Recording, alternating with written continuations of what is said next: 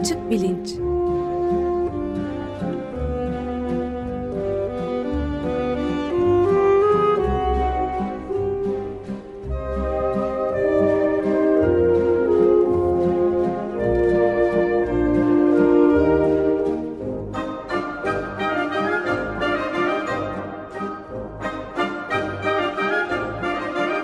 Güven Güzeldere ile bilim ve felsefe sohbetleri. Merhabalar Güven Bey, günaydın. Günaydın Ömer Bey. Günaydın. Günaydın Özdeş. Evet, bugünkü programda iki konuğumuz var. Siz onları e, takdim ederseniz lütfen ve konumuz tabii ki büyük ölçüde her zaman olduğu gibi koronavirüsünün içinde e, bizi içinde bıraktığı durum biri Almanya'dan biri de Finlandiya'dan galiba deneyimleri konuşacağız değil mi? Evet, e, Covid salgınına bugün e, yurt dışından e, ve özellikle salgınla mücadelede başarılı olmuş iki ülkeden e, bakalım istedik. E, konuklarımızın ikisi de açık bilinçte daha önce konuk olmuşlardı. Finlandiya'dan Doktor Çağrı Yalgın ve Almanya'dan Doktor Çağhan Kızıl. Hoş geldiniz, merhaba ikinize de. Merhaba. Merhaba, hoş bulduk. Merhabalar. Hoş geldiniz. Hoş geldiniz. Hoş geldiniz. E, şimdi dinleyenler hatırlayacaklar Çağhan Kızıl'la zaten iki hafta önce bir program yapmıştık. Fakat o programda zamanımız e, kalmamıştı Almanya'daki durumu konuşmak için.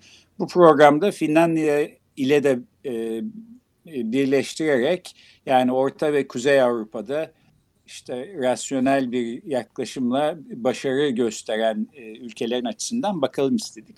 Fakat e, buna girmeden önce ben izninizle e, halen sürmekte olan Çağhan Kızıl'ın iki hafta önce yaptığı e, konuşmaya gelen bir takım sorular da var bana. E, bir tartışmaya değinmek istiyorum.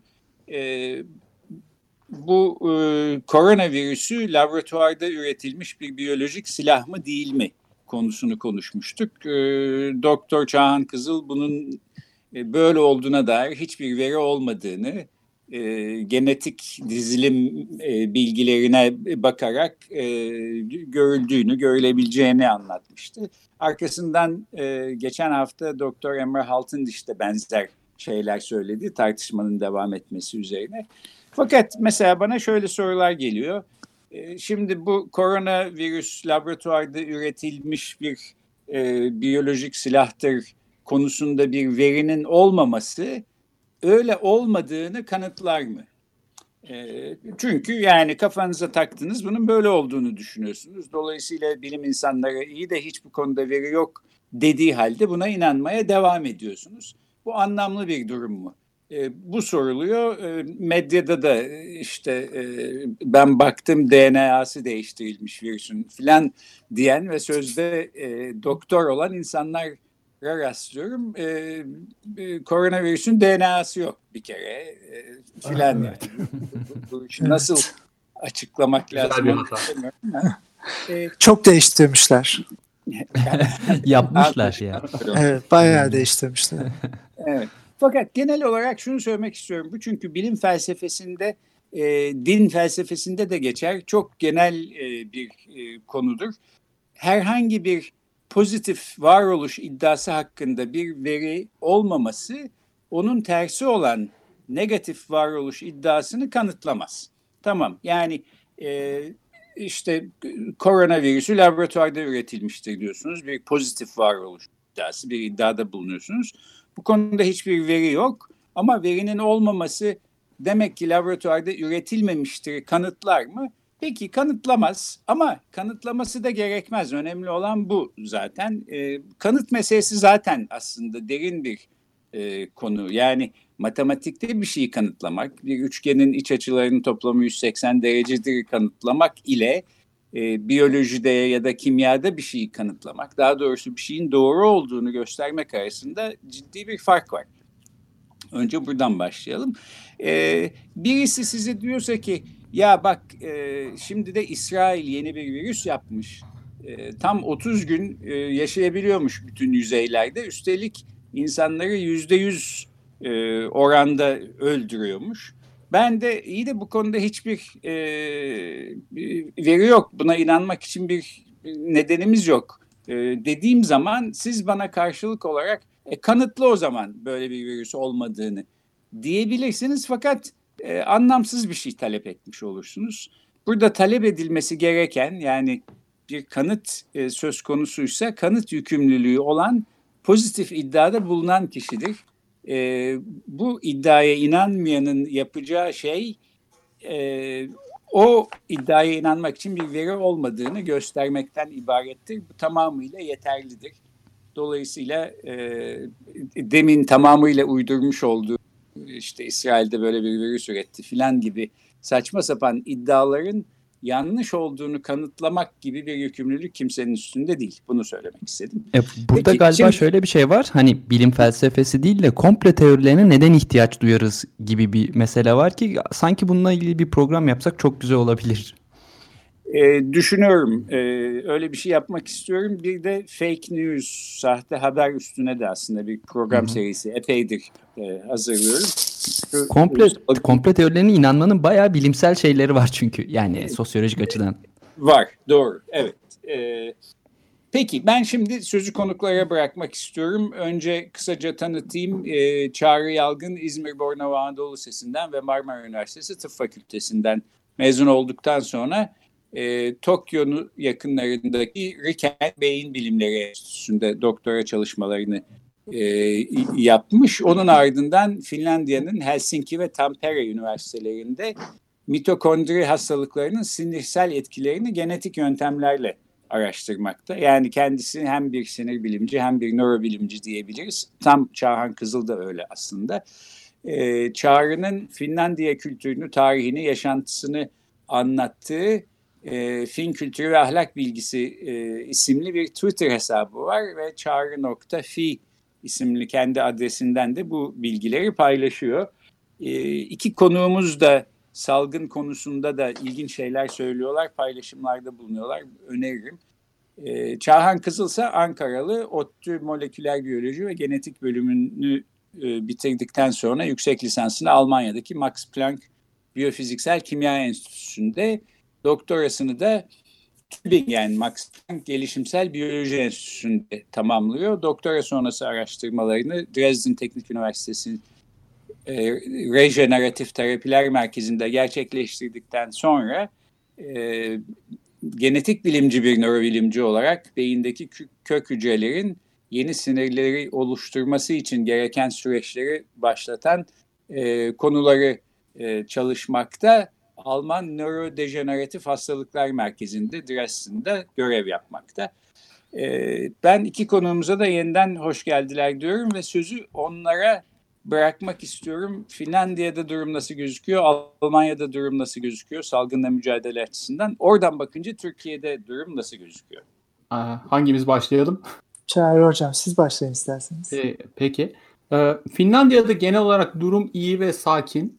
Gerçi Finler genelde sakin insanlardır. E, paniğe kapılmazlar. Ama e, son zamanlarda Finlandiya'daki durum ilerledikçe de özellikle komşu demografik açıdan çok benzer olan komşu ülkelerle kıyasladıkları zaman bir takım grafiklerde Finlandiya'nın durumunun genel olarak iyi gittiği görülüyor. Şimdi şu an bakıyorum e, ben internetten sayılara. 62 ee, kişi toplam yoğun bakımda şu an ve Finlandiya'nın yoğun bakım kapasitesi şu an 500 tüm ülkede. Dolayısıyla yoğun bakımların hani çok kısa sürede dolması gibi bir e, sorun yaşamıyorlar. En çok da be, dikkat edilen şey bu burada. Çünkü e, Finler genel olarak işin başından beri anladılar ki bu burada en kritik şeylerden biri sağlık sisteminin e, e, şey yapmamak, doldurmamak. E, o yüzden insanlar yani büyük oranda bu iş başladığı zamandan beri e, birbirleriyle temas etmemeye, özen göstermeye başladılar. Hükümet bu konuda ciddi, bir takım yasaklar ortaya koyduysa da çok ciddi bir karantinaya gitmek zorunda kalmadı. İnsanlar büyük oranda bunu kendi kendileri yaptı, ne yaptılar. Ama tabii şimdi bu hem Almanya hem Türkiye olunca kıyaslayacağımız ülkeler. Ben gidip önceden bir bunların nüfuslarına falan baktım bu ülkelerin. Finlandiya'nın nüfusu 5 milyon 518 bin kişi yaklaşık. Yani bu gerçekten çok az ve Finlandiya'nın toprağı e, Almanya ile'den biraz daha küçük yüz ölçümü. E, Almanya 80 milyon mu? 80 milyon falan. Evet. E, Türkiye'de bir o kadar. Yani Türkiye'nin yarısı kadar alanda ve Almanya kadar alanda nüfusu 5,5 milyon. Tabii bütün ülkeye eşit yayılmış değil bu. E, genelde güneyde Helsinki, e, Turku şehirlerinde bir de Tampere şehri var. Bu şehirlerde çok fazla insan var ama Helsinki'nin de nüfusu da hani 500 bin kadar. E, bunun getirdiği ne var? Tabii ki insanların birbirinden uzaklaşması kolay. E, bir o var fiziki açıdan. Benim benim ben, benim evim resmen ormanın yanında. Yani ben e, çıkmak iste, dolaşmak istediğim zaman sadece ve sadece küçük bir sokağa geçerek e, ormanda temiz havayla e, da bir yürüyüş yapabiliyorum. Bu her yerde, her büyük şehirde bulunmayan bir lüks. E, Finlerin bütün şehirleri böyledir. E, ve e, bir yandan da Finler e, insan olarak diğer ülkelerden insanların çok kendini yani böyle hani sıkıcı bulduğu, pek konuşmayan, pek temasta bulunmayan başkalarıyla bir şeye sahiptir, kültüre sahiptir. Bu da herhalde başkalarıyla görüşme dendiği zaman görüşmemeyi çok daha kolay kıldı diye tahmin ediyorum ve bu şekilde bence çok daha bu konuya başka ülkelerden daha adapte oldular. Benim görüşüm bu genel olarak. belki şeyi de eklemekte e, tam bu noktada fayda olabilir. Bir de dünyanın en genç kadın başbakanına sahip olmalarının da ve kadınların genellikle de bu korona e, Covid-19'la baş etmede yönetici olarak daha da başarılı oldukları da söylendiğine göre belki Valla bilmiyorum yani bu insanlar kadın oldukları için oraya seçilmediler. Evet. Ee, artık Finlandiya o aşamayı çok geçmiş durumda. Ee, şu an evet e, e koalisyondaki 5 partinin 5'inin de lideri kadın. Ee, e, ama yani bu şans eseri oldu. Yani ıı, bakanların da çoğu kadın. Ama burada şu daha önemli ve bunu geçenlerde Helsinki Sanomat gazetesi de yazdı. Buranın en önemli gazetesi. Ee, burada e, hükümetin e, özellikle insanlar karşısında çıkarken e, sadece bir başbakanın değil tüm kadronun çıkması. Mesela 5 e, koalisyon lideri birlikte basın toplantısı düzenlediler. Birçok zaman işte e, o günkü konuyla ilgili olan bakan e, çağrıldı. Yani biz bunu tek bir kişinin idaresi altında yapmıyoruz. Bu bir ekip işidir. E, Birçok zamanda işte e, sadece bakan değil e, ilgili kamu kurumlarının e, şeyi olan yöneticisi olan bürokratlar çağrıldı. E, veriler e, basına tanıtıldı. Bunlar zaten internetten her zaman açık olarak e, yayınlanıyor vatandaşların erişimi için. Dolayısıyla böyle bir şeffaflık, böyle bir e, insanlara e, biz hani bunu düşünüp taşınıyoruz. E, alelacele karar almıyoruz. E, cid, e, uzmanlarla birlikte e, düşünerek, taşınarak aldığımız kararları uyguluyoruz dediği zaman tabii ki insanların da o alınan kararlara olan e, itimatı çok daha yüksek oluyor. Bu çok iyi bir bilgi oldu aslında çünkü otoriter yönetimler mi daha başarılı, demokratik yönetimler mi diye böyle bir tartışma süre gidiyor. E, bu aslında evet. Finlandiya örneği açısı, hani Finlandiya örneğinin bu yönü çok önemli. Bu çok önemli evet. Finlandiya'da çok evet. önemli görülür bu. Finler bunu çok sever zaten. Evet ve e, yani bayağı da hukuk devletinin yani hiç tartışılmadığı demokrasinin temellerinin de yerleştirilmesinde herhangi bir problemin yaşanmadığı bir ülkeden bahsediyoruz. Beş tane de koalisyon üyesi tane olmaz tabii. Beş kadın hepsi de gayet güler yüzlü, hoş insanlar ve gayet gençler. Bu da ayrı bir şey revnak katıyor işin içine yani. Evet. evet. Hukuk devleti dediğiniz çok kısa bir şey söyleyebilir miyim? O da çok önemli. Mesela e, dediler ki başta Helsinki'den yayılmaya başlayınca koronavirüs. E, biz dediler bunun ülkenin geri kalanına yayılmasını engellemek için Helsinki ve çevresini e, izole edeceğiz. Yalıtacağız ülkenin geri kalanından. E, bir süre bu gitti. 2-3 e, hafta e, orada polis devriyeleri bekledi geçerli bir sebebiniz yoksa hareket edemiyordunuz o sınırdan. Geçemiyordunuz. E, sonra devam ettirmek istediler fakat e, dedi, e, Anayasa Komisyonu dedi şöyle demiş e, ülkenin gerisinde de koronavirüs artık yeterince görülüyor. Bu e, sınırlamanın bir anlamı yok ve anlamı bu e, çok mucbir bir sebep olmadığı için artık anayasaya aykırıdır bunu devam ettirmek dediği için hükümet istediği halde devam ettiremedi. Çok ilginç evet. Peki şimdi aynı soruyu Çağhan Kızıl'a da sorabiliriz. Ben de araya belki şöyle bir şey ekleyeyim. Yıllardır yurt dışında çeşitli yerlerde yaşamak durumunda kalmış birisi olarak zaman zaman yaşadığım yerde medeniyetin göstergeleri nedir diye düşündüğüm de oluyor. Bu korona salgını e, sırasında ortaya çıktı ki bir ülkenin e, medeniyet seviyesinin göstergelerinden bir tanesi belki hasta olursanız ne şekilde e, size bakılacağı ya da bununla nasıl baş edileceği, e, yaşadığınız ülkeye güveniyor musunuz, güvenmiyor musunuz hasta olmak için, e, hasta olmak konusunda. E, New York şehri dünyanın belki en ilginç, en renkli, e, en yaratıcı şehri, eşi benzeri olmayan bir şehir, fakat e, New York şehrinde yaşarken e, bu virüse yakalanmış olmak bir e, kabus ve Amerika bu e, medeniyet e, sınavından çok kötü bir şekilde kaldı ve kalmaya devam ediyor. Almanya ise Finlandiya gibi bu sınavdan geçiyor gibi e, öyle anlıyorum. E, Çağhan biraz anlatır mısın? Hı hı. Tabii e, ben de katılıyorum. Almanya bu sınavdan geçiyor.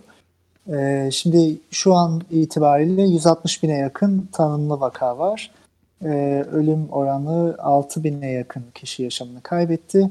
E, ee, 120 bine yakın kişi iyileşti. Aktif olarak 40 bine yakın insan var ve bunların da 2000 civarında e, kritik olduğu söyleniyor. Şimdi bu aslında bakıldığında e, yüksek bir sayı ve Almanya bu ölüm oranlarını dünyada en başından beri çok az e, sayıda tuttu e, birçok konuda başarılı olduğunu söyleyebiliriz. Yani dediğiniz gibi e, insanlar burada yapılan anketlerde kriz yönetimine %93 oranında e, iyi yönetiliyor dediler, e, memnunuz dediler. Hiçbir şekilde çok az ve çok e, çok az yerde e, yoğun bakım kapasiteleri yükseldi e, ve bu da sadece birkaç gün sürdü. Şimdi Almanya'nın neden başarılı olduğunu aslında şöyle özetleyebiliriz. Ee, ben uzun süredir Almanya'dayım. İlk geldiğimden beri herhangi bir şey yapacağınızda inanılmaz bir bürokrasi vardır burada. Her şeyin bir yönetmeliği, her şeyin bir e, yazılmış şekli vardır. Ve şöyle bir şaka yapılır. Yani e, evde gülecekseniz bile onun bir yasası vardır. Bir yerlerden çıkar diye. E, gerçekten de böyle bir salgın olduğunda birden bir e, şey çıktı. Düzenleme varmış zaten. E, İkinci Dünya Savaşı'nda yapılan e, salgın hastalıklarına karşı korunma yasası e, kapsamında ne yapılacağı biliniyormuş. Fakat tabii e, aradan bir yarım asır geçtiği için bunu biraz e, geliştirdiler ve e, bir anda bir kriz yönetim planını ortaya koydular en baştan beri. 2005'te zaten bir e, influenza için, grip için bir plan yapılmış. Bu biraz adapte edildi. Buna göre e, Ocak ayının içinde örneğin biz bulunduğumuz enstitülerden şey bilgisini aldık. Yani nasıl hareket edilecek, evreler nedir, bizi ne bekliyor, ee, ilk aşamada... Özür dilerim 2012'de de galiba bir koronavirüs senaryosunun da olduğu yani 8 yıl önce böyle Koch Enstitüsü'nden uzmanların da yer aldığı bir rapor evet. da varmış. Evet onu, onu da onu da evet onu da söyleyeceğim var. E, çünkü koronavirüslerin böyle bir pandemi ya da epidemi yaratabileceği bilimsel alanda zaten Paris'ten sonra çalışılan ve makalelerin olduğu e, bir alan. Dolayısıyla Almanya'da buna karşı önlem al, almış. E, kriz yönetim planında salgın tehlikesinin başından beri bir en etkili yöntemin iletişim olduğu e, söyleniyor.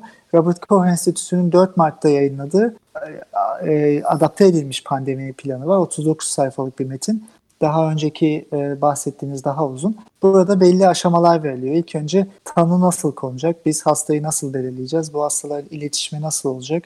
Toplumda e, hastanelerde mi, evlerde mi nasıl bakılacaklar ve insanlar nasıl iletişim kuracaklar? Ve biz insanlara nasıl ulaşacağız?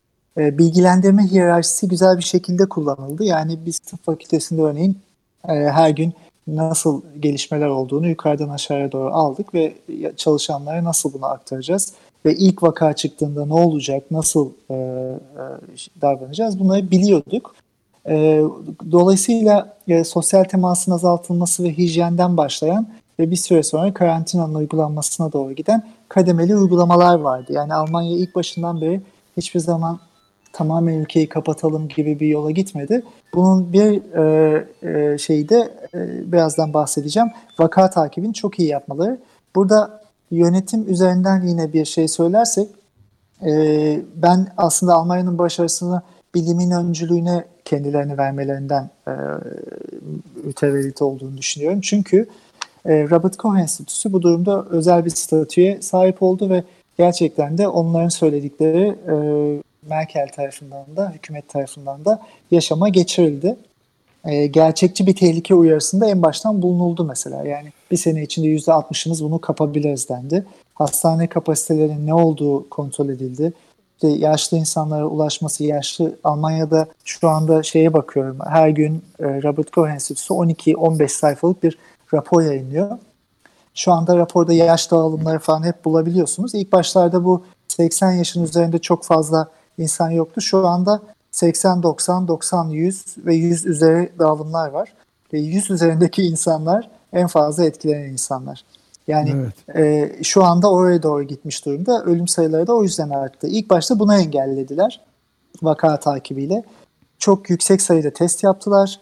Ee, örneğin sokağa çıkma yasakları bazı yerlerde uygulandı. Bu sayılar şeffaf olduğu için bu bilinebildi. Yani işte örneğin Saksonya bölgesi 2-3 hafta sonra yükseğe ulaşacak ama Baden-Württemberg daha şu anda etkili, Bayern daha etkili. Ee, dolayısıyla buna göre kapasite ve doktorlar ona göre e, ayarlanabildi. Vaka yerleri açıklandı, şeffaflık ve vaka takibi şöyle yani herkesin yasal olarak şeyi söylemek zorundaydı. Eğer pozitif çıkıyorsanız kimlerle iletişim kurdunuz ve Almanya'da hani bu e, bu insanlara ulaşılmak daha kolay ulaşıldı ve test yapıldı ve bu insanlar karantinaya alındı. E, bu aslında bilimin söylediği şeydi genel karantina ama genel karantina son evrede yapılabilecek bir şey artık önü alınamazsa daha öncesinde vaka takibi e, ve insanların yayılmasını, e, sosyal mesafeyi arttırmak. E, bu iyi yapıldı. Kapasite artım, arttırılması ve projeksiyonu da iyi yapıldı. Ve insanlar da bilinçlendirildi. Yani hep bir de şu çok önemliydi aslında bunu da söylemek lazım. Yani evde mi kalalım, işe mi gidelim bir insanlar karar vermek zorunda olmadı. Bu karar zaten yukarıdan verildi. Evde kalıyorsunuz. Çalışabiliyorsanız evden çalışıyorsunuz. Hiçbir hak kaybı yaşamıyorsunuz çok elzem işler, eczaneler, süpermarketler ya da çalışması gereken bazı yerler onlara özel izinler verildi e, ve o şekilde şey yapıldı. Yani ben e, laba gidip ofiste çalışmak için izin istedim. Dediler ki gitmene gerek yok yani vermediler. Dolayısıyla e, evde otur, e, gitme e, dendi. Evet. Hani bu yapıldı. E, bunları topladığınızda zaten yapılması gereken şeyler bunlar. Bilimin söylediği e, şeffaflıkla birleşince Almanya şu anda evet. e, evet. kontrol altına almış durumda. En, en büyük uzmana da e, yani şeye Christian Dorsten'e de enstitü, viroloji enstitüsü başındaki kişiye de yapılan özel e, röportajda mülakatta Guardian'da Angela Merkel'i çok e, liderlik dolayısıyla övülüyor ne dersin niye diyor bir kere iki sebep söylüyor bir tanesi çok kendisi zaten bilim insanı ve anlıyor bu işlerden. Bir de e, garanti verebilecek e, yani düşünceli bir lider diyor. Ama en önemlisi iyi bir liderin bu e, siyasi e, fırsat olarak değerlendirmemesi bunun, bunun diye işte evet. bir şey söylemiş yani. Ben kısaca evet. bir şeye değinebilir miyim gidip gitmeme konusunda işe? Ee, burada da o önemli bir sorun haline geldi. Mesela e, hekimlerin tabii işe gitmesi lazım veya işte belirli e, destek görevlerindekilerin işe gitmesi lazım. Şimdi okullar kapatıldığı zaman bu görevdeki insanların e, çocuklarına bir imtiyaz tanındı. Mesela bu önemli aslında. Yani sen işe git muhakkak geldi çocuğu ne yapacak yani çocuğunu ne yapsın evde bakması lazım. Dolayısıyla onlara öyle bir imtiyaz tanındı. Bu iyiydi. Ee, buna mukabil e, yine de bir takım insanlar daha çok işe gitmek zorunda kalıyor. Çok ilginç bir e, grafik yayınlandı dün buradaki bir gazetede. E, Helsinki'deki metro istasyonlarının ne kadar dolu olup olmadığına bakmışlar şimdi. Ne kadar trafiğinin artıp artmadığına ve onları da o bölgelerdeki, o istasyonun bulunduğu bölgelerdeki vergi miktarına ortalama vergiye de mukayese etmişler. Dolayısıyla e, ve şöyle bir sonuç ortaya çıkmış. E, vergilerin daha yüksek olduğu yani gelirin daha yüksek olduğu yerlerdeki insanlar e, evlerinde kalıyorlar ve dolayısıyla oradaki istasyonlar boşalıyor. Ama daha düşük gelir sahibi bölge mahallelerdeki insanların e, bulunduğu yerdeki metro istasyonları aşağı yukarı aynı hareketlilikte hmm. devam ediyor. Yani bu insanlar hala işe gitmek zorunda kalıyorlar ve e, özellikle de Helsinki içerisinde en çok hastalığa yakalanan grup aslında Somalililer. Çünkü burada gerçekten e, eğitimli olmadıkları için, buraya mülteci olarak geldikleri için e, genel olarak e, bu destek işlerinde çalışıyorlar. İnsanlarla karşılaştıkları işlerde çalışıyorlar. Otobüs şoförü olarak çalışıyorlar. Ve dolayısıyla onlar e, daha çok bu hastalığa yakalanmış. Bu ortaya çıktı. Evet peki şimdi bitiriyoruz programı fakat Türkiye hakkında e, birer cümle ile bitirelim belki iki konuğumuzdan da. Burada Türkiye'nin de öğrenciye herhalde bir takım şeyler var. Bundan 100 yıl önce olmuş olan İspanyol gribinin e, çeşitli e, vaka analizlerine baktığımda ben görüyorum ki bazı yerlerde mesela San Francisco'da önlemler iyi giderken erken gevşetildiği için ikinci büyük bir dalga gelmiş.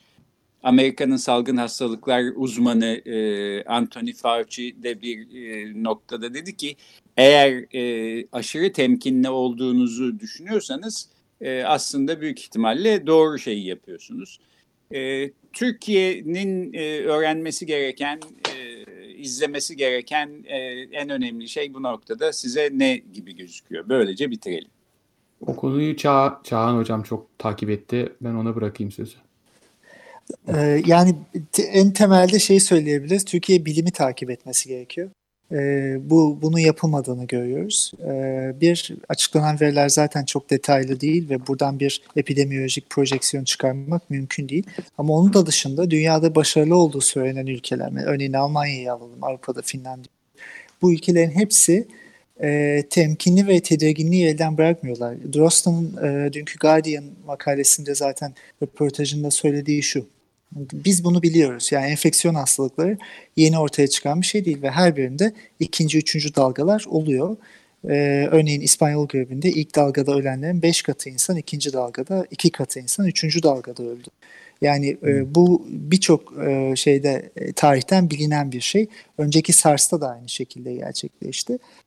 Dolayısıyla e, bu e, bir bunu bir politik söyleme döndü, dönüştürmek e, çok e, faydalı değil. Bir rehavet yaratıyor. İkincisi önlemleri azaltıyor. Üçüncüsü de toplumda Türkiye gibi bir yerde şu anda hala %75-80 aktif vaka var ve toplumdaki yaygınlığı tam olarak bilmiyoruz. Burada şöyle bir söylem e, yanlışlığı ortaya çıkıyor. Türkiye'de bence e, bu da çok ön planda. Yani siyasi retorik ne olursa olsun, sizin söylediğiniz ne olursa olsun ve siz nasıl göstermeye çalışırsanız çalışın, orada biyolojik bir şey var ve o sizi dinlemiyor, sizin dilinizi konuşmuyor. Onun yayılma dinamikleri çok farklı ve çok aslında bilinen şeyler üzerinden. Yani insanlar birbirleriyle iletişimini arttırırsanız bu e, salgın artacak. ikinci, üçüncü dalgalar gelecek. Ee, büyük yani Türkiye'nin biraz daha e, bilimle imtihanının e, devam edeceğini görüyoruz. E, ben bunu söyleyebilirim. Dünyadaki örneklere bakıp biraz daha temkinli bunu bir şova dönüştürmenin önüne geçmeli bahsettiğimiz gibi. Evet bir son Ahmet İnsel'le de konuşuyorduk. Ee, yani Fransa'da çok e, bir kapanmalar açılsın bir de e, devam etsin tedbirler evde kalsın insanlar filan diye iki akım e, görülüyor. Ama iki tarafta hükümete güvenmediği için büyük bir problem olmaya devam ediyor dedi ki hı hı. Bu da çok önemli bir nokta. Biraz önce Drosten'in de sizin de söylediğiniz gibi yani güven telkin etmesi için bilime bağlı kalması gerektiği çok önemli bir unsur olarak gözüküyor hükümetlerin değil mi? Evet, evet kesinlikle. Evet. Peki bu şekilde de bitirelim. Çok teşekkür ediyoruz. Bugün konuklarımız Finlandiya'dan Doktor Çağrı Yalgın ve Almanya'dan Doktor Çağhan Kızıldı. Ee, salgının e, Kuzey ve Orta Avrupa'daki e, yayılımını ve e, Türkiye'nin e, alabileceği, alması gereken dersleri konuştuk. Çok teşekkürler. Haftaya görüşmek üzere. Çok teşekkür ederiz. Sağ olun. Görüşmek Sağ üzere. Sağ olun. Görüşmek üzere. İyi günler.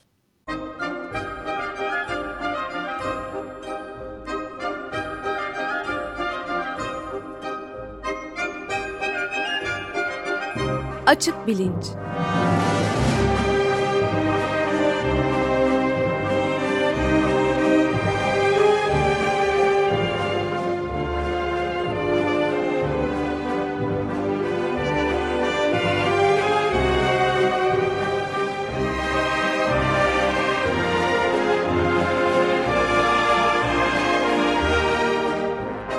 Güven Güzeldere ile bilim ve felsefe sohbetleri.